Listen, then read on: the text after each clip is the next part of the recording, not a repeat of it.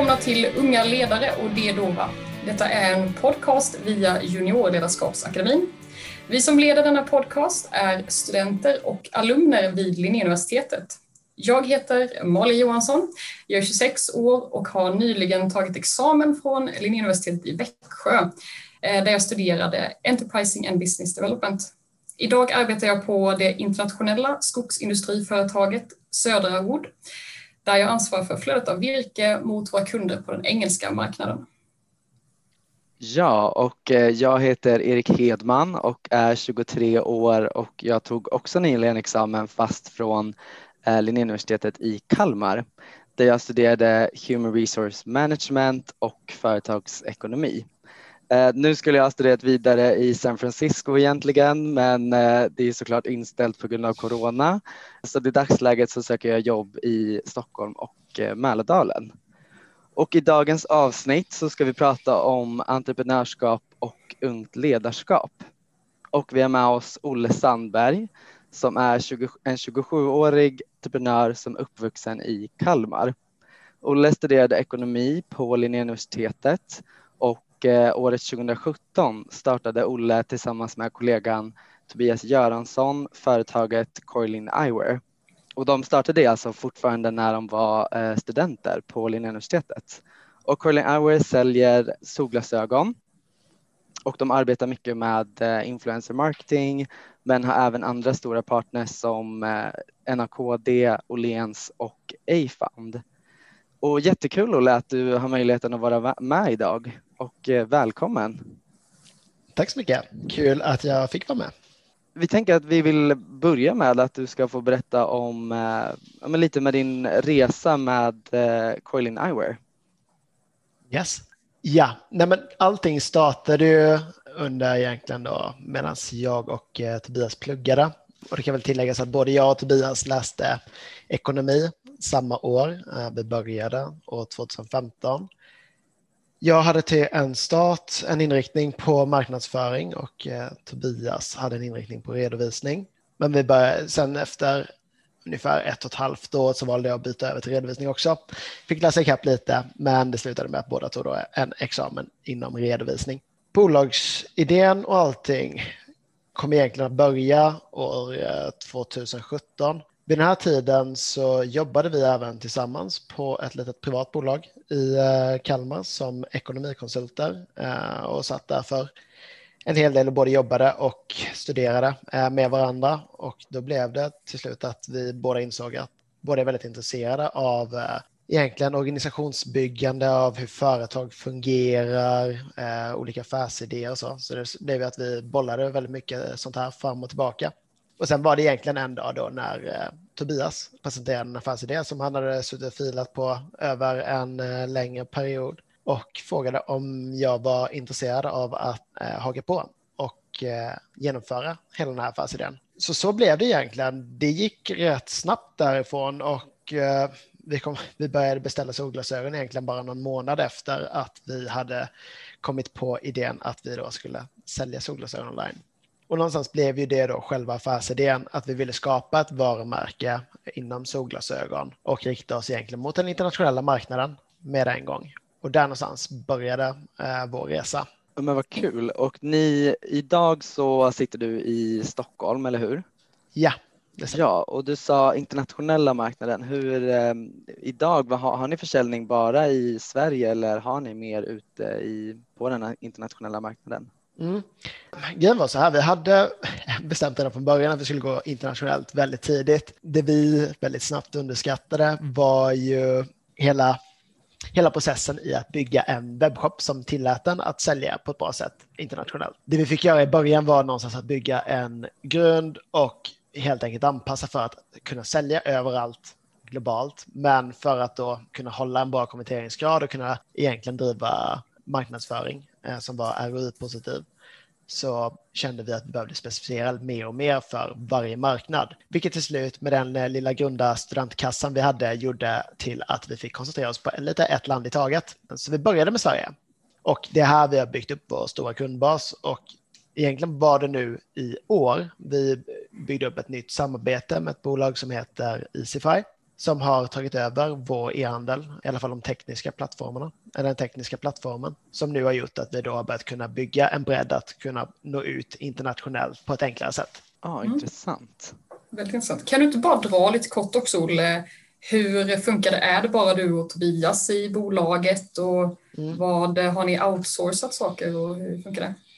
Ja, vi har faktiskt outsourcat en hel del redan från start. Vi var rätt tidiga med att uh, ta lite hjälp i marknadsföringsledet, för där kände vi att det var ett led som vi inte hade så mycket expertis i. Jag hade ju börjat studera marknadsföring, men eh, tyckte uppenbarligen inte att det var så kul just där och då, så jag hade bytt över till eh, redovisning och det kände vi oss lite vilse just med typ Facebook ads och liknande. Så det outsourcade vi väldigt tidigt. Därefter har det gått lite omlott beroende på hur mycket vi har kunnat jobba med bolaget. När vi var studenter kunde vi ju jobba med bolaget och utan att ta ut lön egentligen och klara oss då på eh, CSN-lån och bidrag. Men efter universitetet så tog jag och Tobias lite olika val. Eh, Tobias valde att fortsätta studera och jag började jobba deltid egentligen, 50 till 75 procent. Så Tobias pluggade finans i eh, både Stockholm och Uppsala och jag började då jobba som uh, controller för en uh, kommun på deltid. Därifrån så fortsatte vi med marknadsföringskonsulter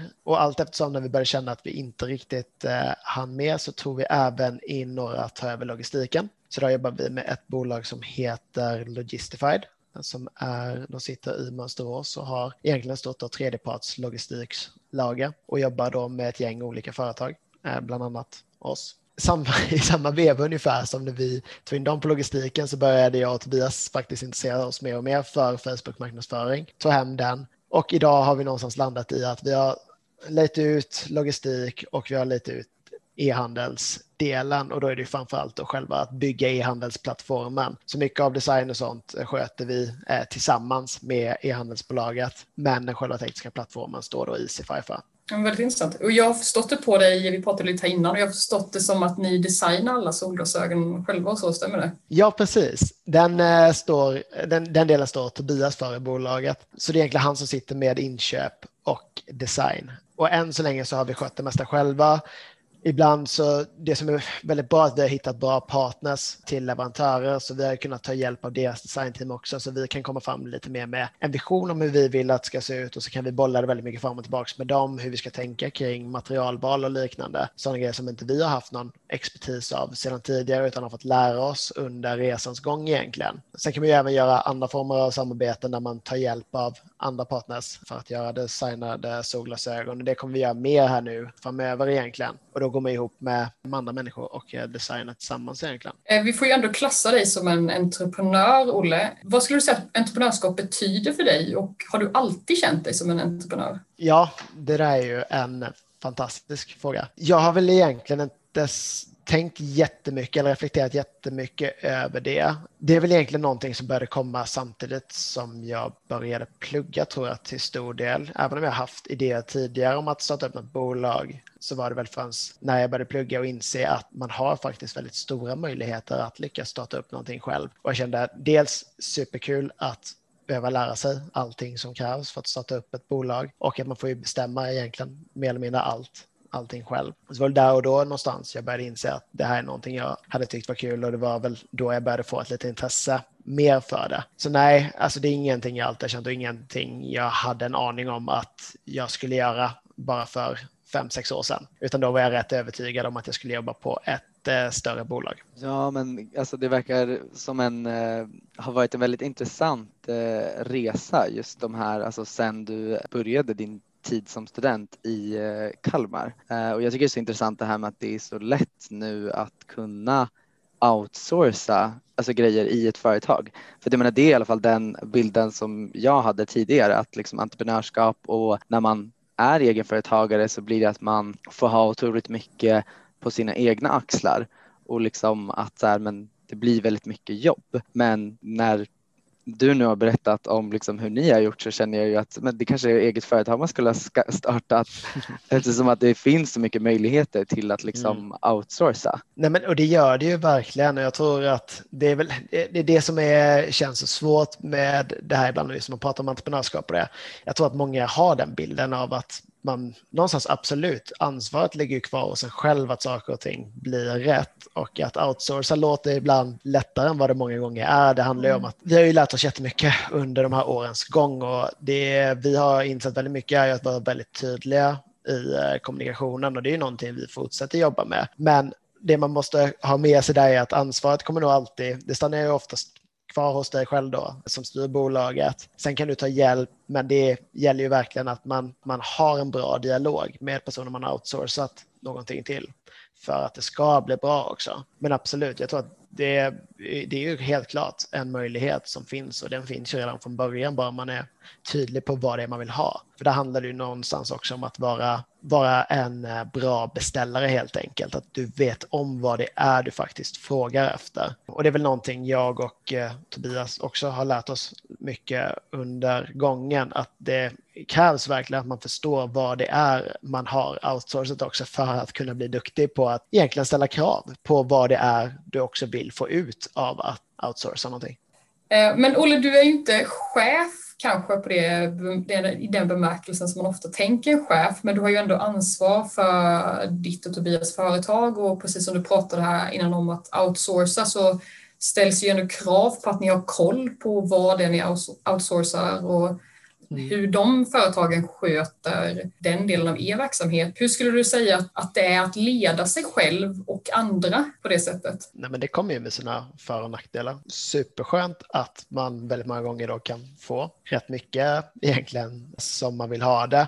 Men det ställer ju också kraven på att man själv vet om hur man vill ha det, vilket många gånger har jag insett inte är fallet. Många gånger har inte jag en helt bestämd åsikt om någonting och det är samma grej med Tobias, min kollega, som jag jobbar med, utan vi vill ha det som är bäst, men vi har ingen aning om vad det är som är bäst alltid, vilket gör det till klurigare. Så ibland tror jag att ibland har det varit superskönt att ha någon som har bra koll på ett visst område för att kunna få in den expertisen och kunna ta beslutet därefter. Så väl sådana gånger man kan tycka att det är lite jobbigt att behöva ta beslutet, för någonstans är det ju att man står ju ändå ansvarig för det beslutet man tar och alla gånger hinner hinner man inte och har inte alla möjligheter att ha alla korten på bordet innan man tar ett sådant beslut, vilket kan vara såklart lite jobbigt. Men jag skulle säga i de allra flesta fallen så är det ju superskönt också att veta om att du kan ta de besluten du vill ta och du vet om att någonstans att går det inte bra så har man egentligen bara sig själv att eh, skylla. Det finns inget annat att göra än att lära sig av det misstaget man gör och gå vidare helt enkelt. Hur känner du, hur har du hanterat den processen? Är det något du har lärt dig mer och mer efterhand att okej, okay, jag kommer aldrig veta vad som är rätt i det här fallet? Man har ju blivit otroligt ödmjuk för att veta hur lite man kan om väldigt många områden. Det finns ju så otroligt mycket att lära och när man börjar känna att man tror att man har fått lite koll på läget så tar man ett beslut som påvisar motsatsen. Efteråt så får man lära sig mer av det. Nej, och jag tror bara det gäller att inte ta, inte ta för stort på det helt enkelt utan acceptera att allting kommer inte alltid vara det bästa och det viktiga är väl att hitta så många eh, beslut som blir good enough egentligen för att kunna ta sig vidare så lär man sig hela tiden att ta bättre beslut. Men jag tänker så här, vad har liksom varit den största utmaningen då med att liksom vara en entreprenöriell ledare? Vi har inte behövt än så länge leda jättemycket mycket eh, överhuvudtaget. Alltså, vi, inte haft, vi har inte haft några anställda ännu och när vi har beställt grejer så har det varit på, vi har pratat väldigt mycket på gemensamma grunder hela tiden. Det känns som att vi eh, är väldigt i, med samma nivå med de vi jobbar med, vilket jag och Tobias har tyckt var superskönt med tanke på att de är specialisterna på sina områden såsom Easify med hemsida och Logistify med logistik. Så vi förlitar oss på att, deras, att de har bra kunskap inom de här områdena, vilket gör att jag och Tobias, att våra beslut blir väldigt mycket grundade på den data också vi kan få ut av dem egentligen. Så än så länge så har jag väl nog inte, inte känt jättemycket av att man har behövt göra det särskilt mycket och det är samma grej mellan mig och Tobias så är det verkligen 50-50 i beslut och ansvar. Vi litar väldigt mycket på varandra och så har vi våra uppdelade områden vad vi, vad vi liksom har befogenhet att ta beslut om själva och vad vi känner själva att vi ska diskutera lite mer innan vi tar beslut på.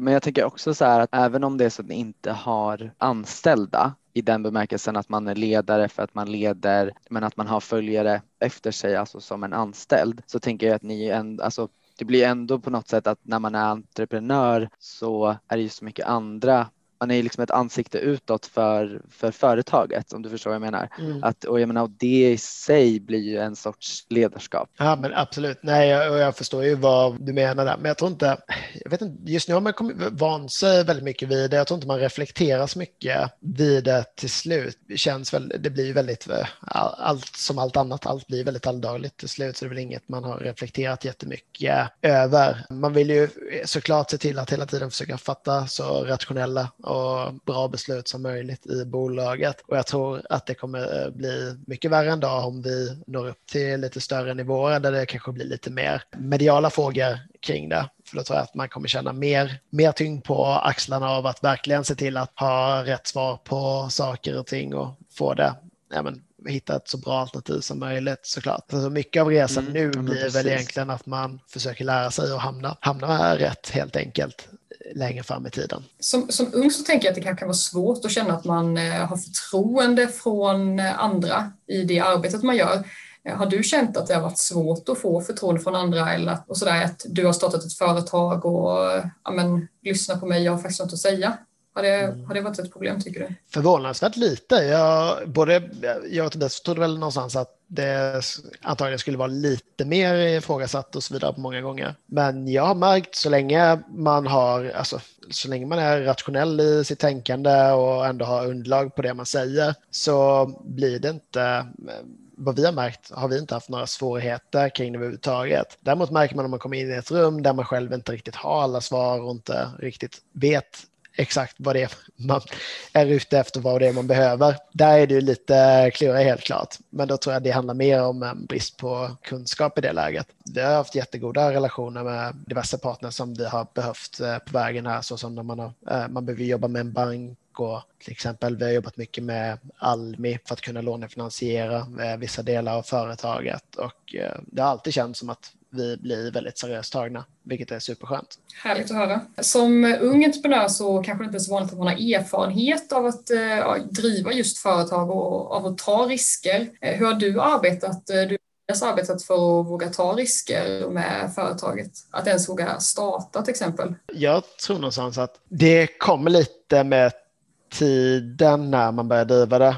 I början tyckte jag, eh, det var ju absolut om man såg det som en risk att starta bolaget och det, men sen pluggade vi samtidigt så man kände man hade rätt bra trygghet samtidigt. Sen startade vi bolaget i Kalmar där det finns massa andra trygga punkter. Vi hoppade rätt tidigt in i en inkubator i Kalmar hos Kalmar Science Park där man liksom kan få lite stöd och trygghet av en affärsutvecklare som har gjort liknande resor tidigare så man får koll på allt. Eh, vi skaffade revisor med en gång för att se till att vi hade de ekonomiska bitarna på, på rätt plats så att vi gjorde allting korrekt och sådär. Så jag tror det handlar, det handlar väl mycket om att man bara ser till att hålla sig påläst på alla delar så gott som det går så känns det, så tror jag inte det känns lika jobbigt heller. Men eh, absolut, det finns, ju, det finns ju gånger när man känner att risken någonstans blir väldigt mycket högre. Men jag tror man behöver se det, man behöver se det väldigt långsiktigt och sen vänjer man ju sig lite hela tiden. Ja, precis. Skulle du säga att eh, det är vägen till framgång att eh, våga ta risker? Speciellt som ung då kanske? Jag tror, ja, alltså jag, jag, jag tror att det är en väg. Absolut. Sen tror jag att man får vara medveten om att, att risker också heter risk av en anledning. Det kan ju också inte gå vägen. Och vi har ju långt ifrån tagit någonting för givet än, även om vi känner att allting flyter på nu bra och vi känner att vi växer, vilket är superkul. Men vi känner det är ju många år kvar på den här resan innan vi, verkligen, innan vi är nöjda och innan vi vågar utvärdera sån grej. Men jag tror att det såklart hjälper om man tar risker och Eh, vi hade inte kunnat ha den tillväxt vi har haft idag utan att ta lite större risker många gånger än vad man hade tänkt från början. Det har ju gynnat oss eh, helt klart och så är väl vårt, vår tanke fortsatt också. Vi fortsätter ta rätt mycket risker eh, ibland och det blir månader där man inte tar ut lön och liknande även om man jobbar med det heltid, vilket såklart, ja, det blir en risk eh, bara det i sig. Men absolut lite risk tror jag inte skadar företagets tillväxt. Men det beror på lite också. Jag tror det beror på jättemycket vad man har för ambition och mål med företaget. Jag tror ju att det går ju också att driva en resa som man kanske växer lite, kanske lite lugnare takt till exempel och på det sättet inte behöver ta lika stora risker. Och sen kanske man då har för avsikt att växa väldigt mycket snabbare och då bör man ju och behöver ju ta större risker helt enkelt. Vad har du för förebilder?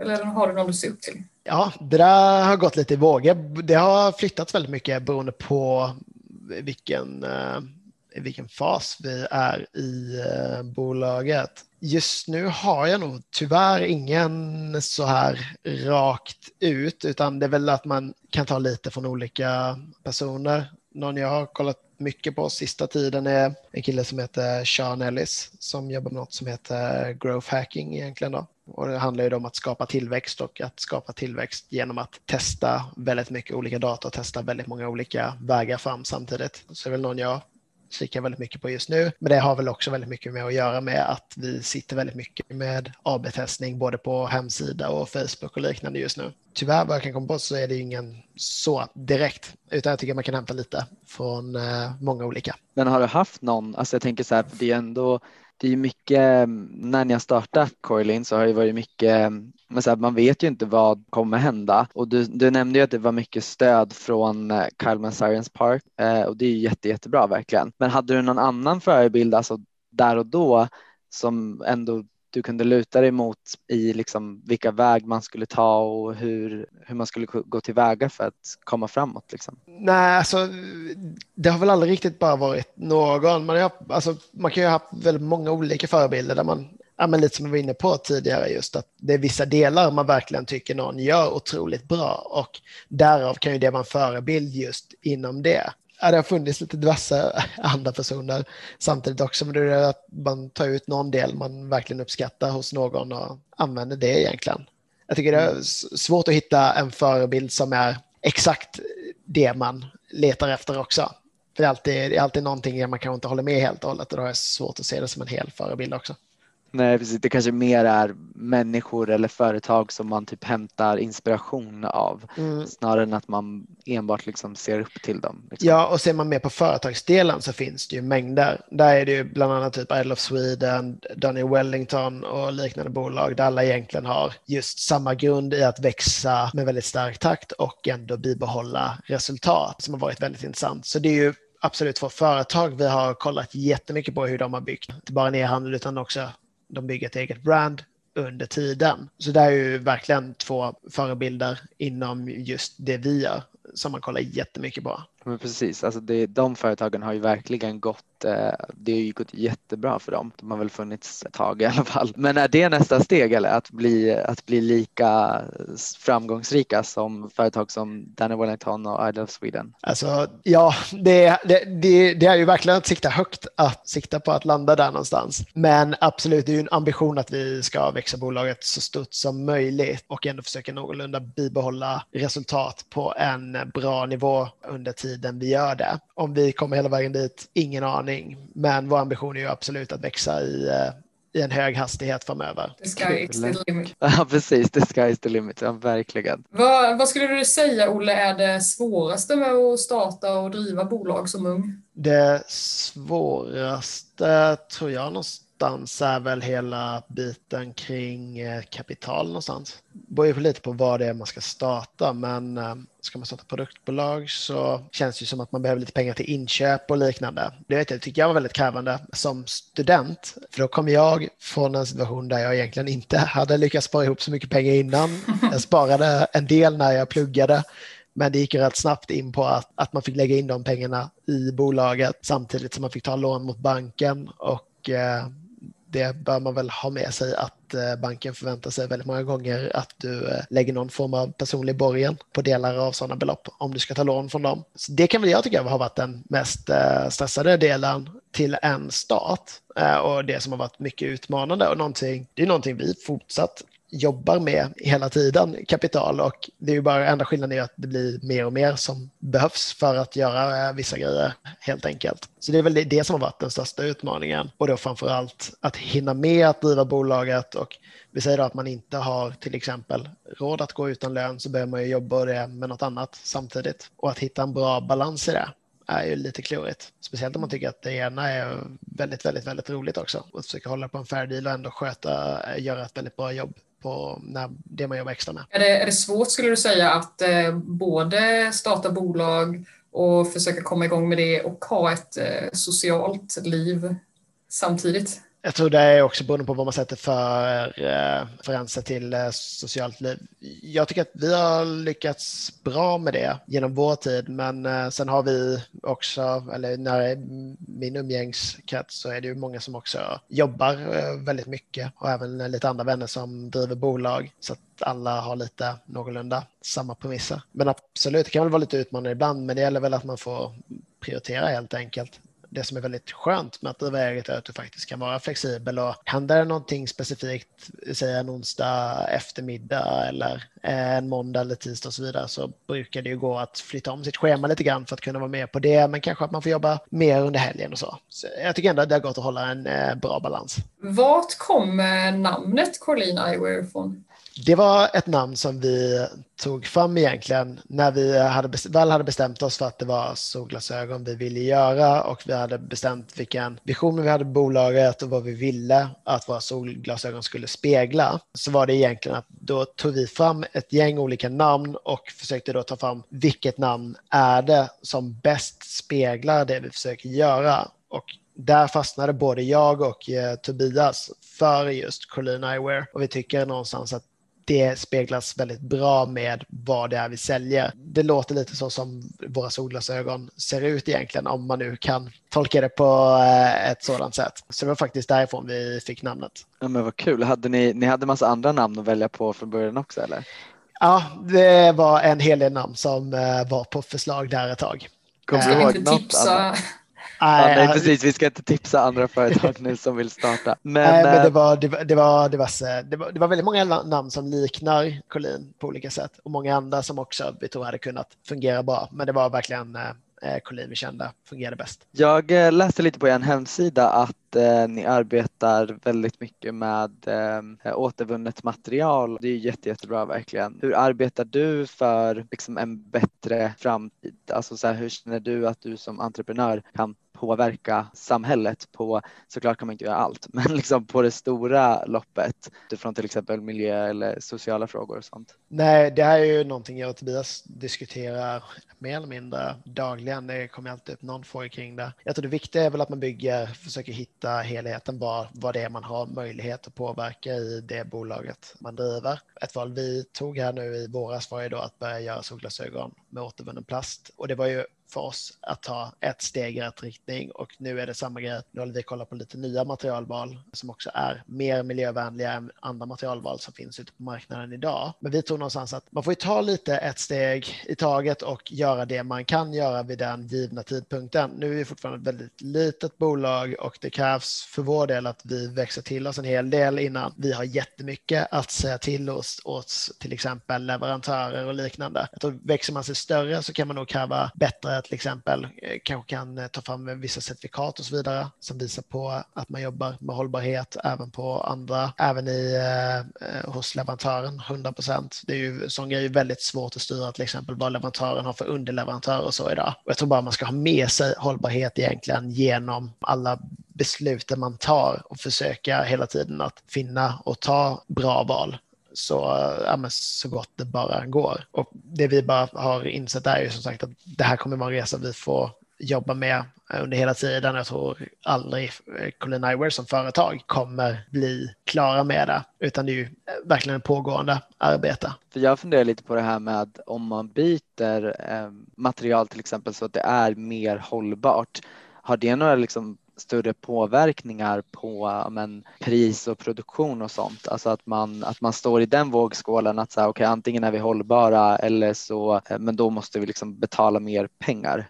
Absolut, det finns materialval eh, som gör att inköpen och så blir dyrare. Och återvunnen plast har varit ett sådant materialval till exempel om man jämför med. Det har varit billigare att skapa ny plast än att smälta ner gammal plast för att försöka skapa det så att det går att använda igen. Så absolut, det är ju det som gör också att man hela tiden får ta ett steg i taget. Det är nog någonting som hade varit svårare för oss att starta med för då hade vi fått köpa in väldigt mycket mindre mängder. med någonting vi känner att vi faktiskt kan göra idag, vilket är superkul att vi har kommit dit nu. Ehm, så absolut, det blir ju alltid en, det blir all, den frågan eh, kommer ju alltid finnas där och dyka upp. Och där tror jag också, att desto större man blir, desto mer kan man ju göra på alla fronter. När vi börjat med produktval, men det, går ju, det finns ju eh, mer att göra i helhetstänket kring frakter och liknande också. Ju större man blir, desto mer kanske centraliserade lager eller decentraliserade lager skulle man kunna ha. Till exempel om vi vill sälja mycket mot Australien så kanske det blir enklare för oss att ha ett lager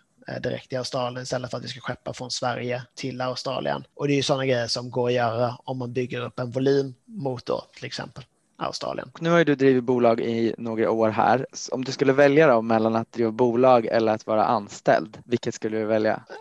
Just, just nu har jag svårt att se att jag hade klarat av att uh, vara anställd. Jag, jag trivs superbra med att driva eget. Jätteskönt att kunna helt och hållet få styra över tider och eh, Eh, sitt liv helt och hållet. Och det blir väldigt mycket, eh, hur man vill vänder på det, att det flyter ihop med vardagen på ett helt annat sätt. Och det blir även att mycket av ens intressen kan ha en eh, bra påverkan på bolaget och så. Och jag, jag, uppskattar verkligen att ha det på det sättet, för jag tycker att det gör hela min dag väldigt mycket roligare. Så just nu hade jag inte valt något annat. Men eh, du, Olle, vi måste faktiskt börja avrunda lite här och jag tänkte att vi skulle göra det med tre snabba frågor. Så jag kör igång med första här. Eh, har du några rutiner som du tror är en framgångsfaktor för dig?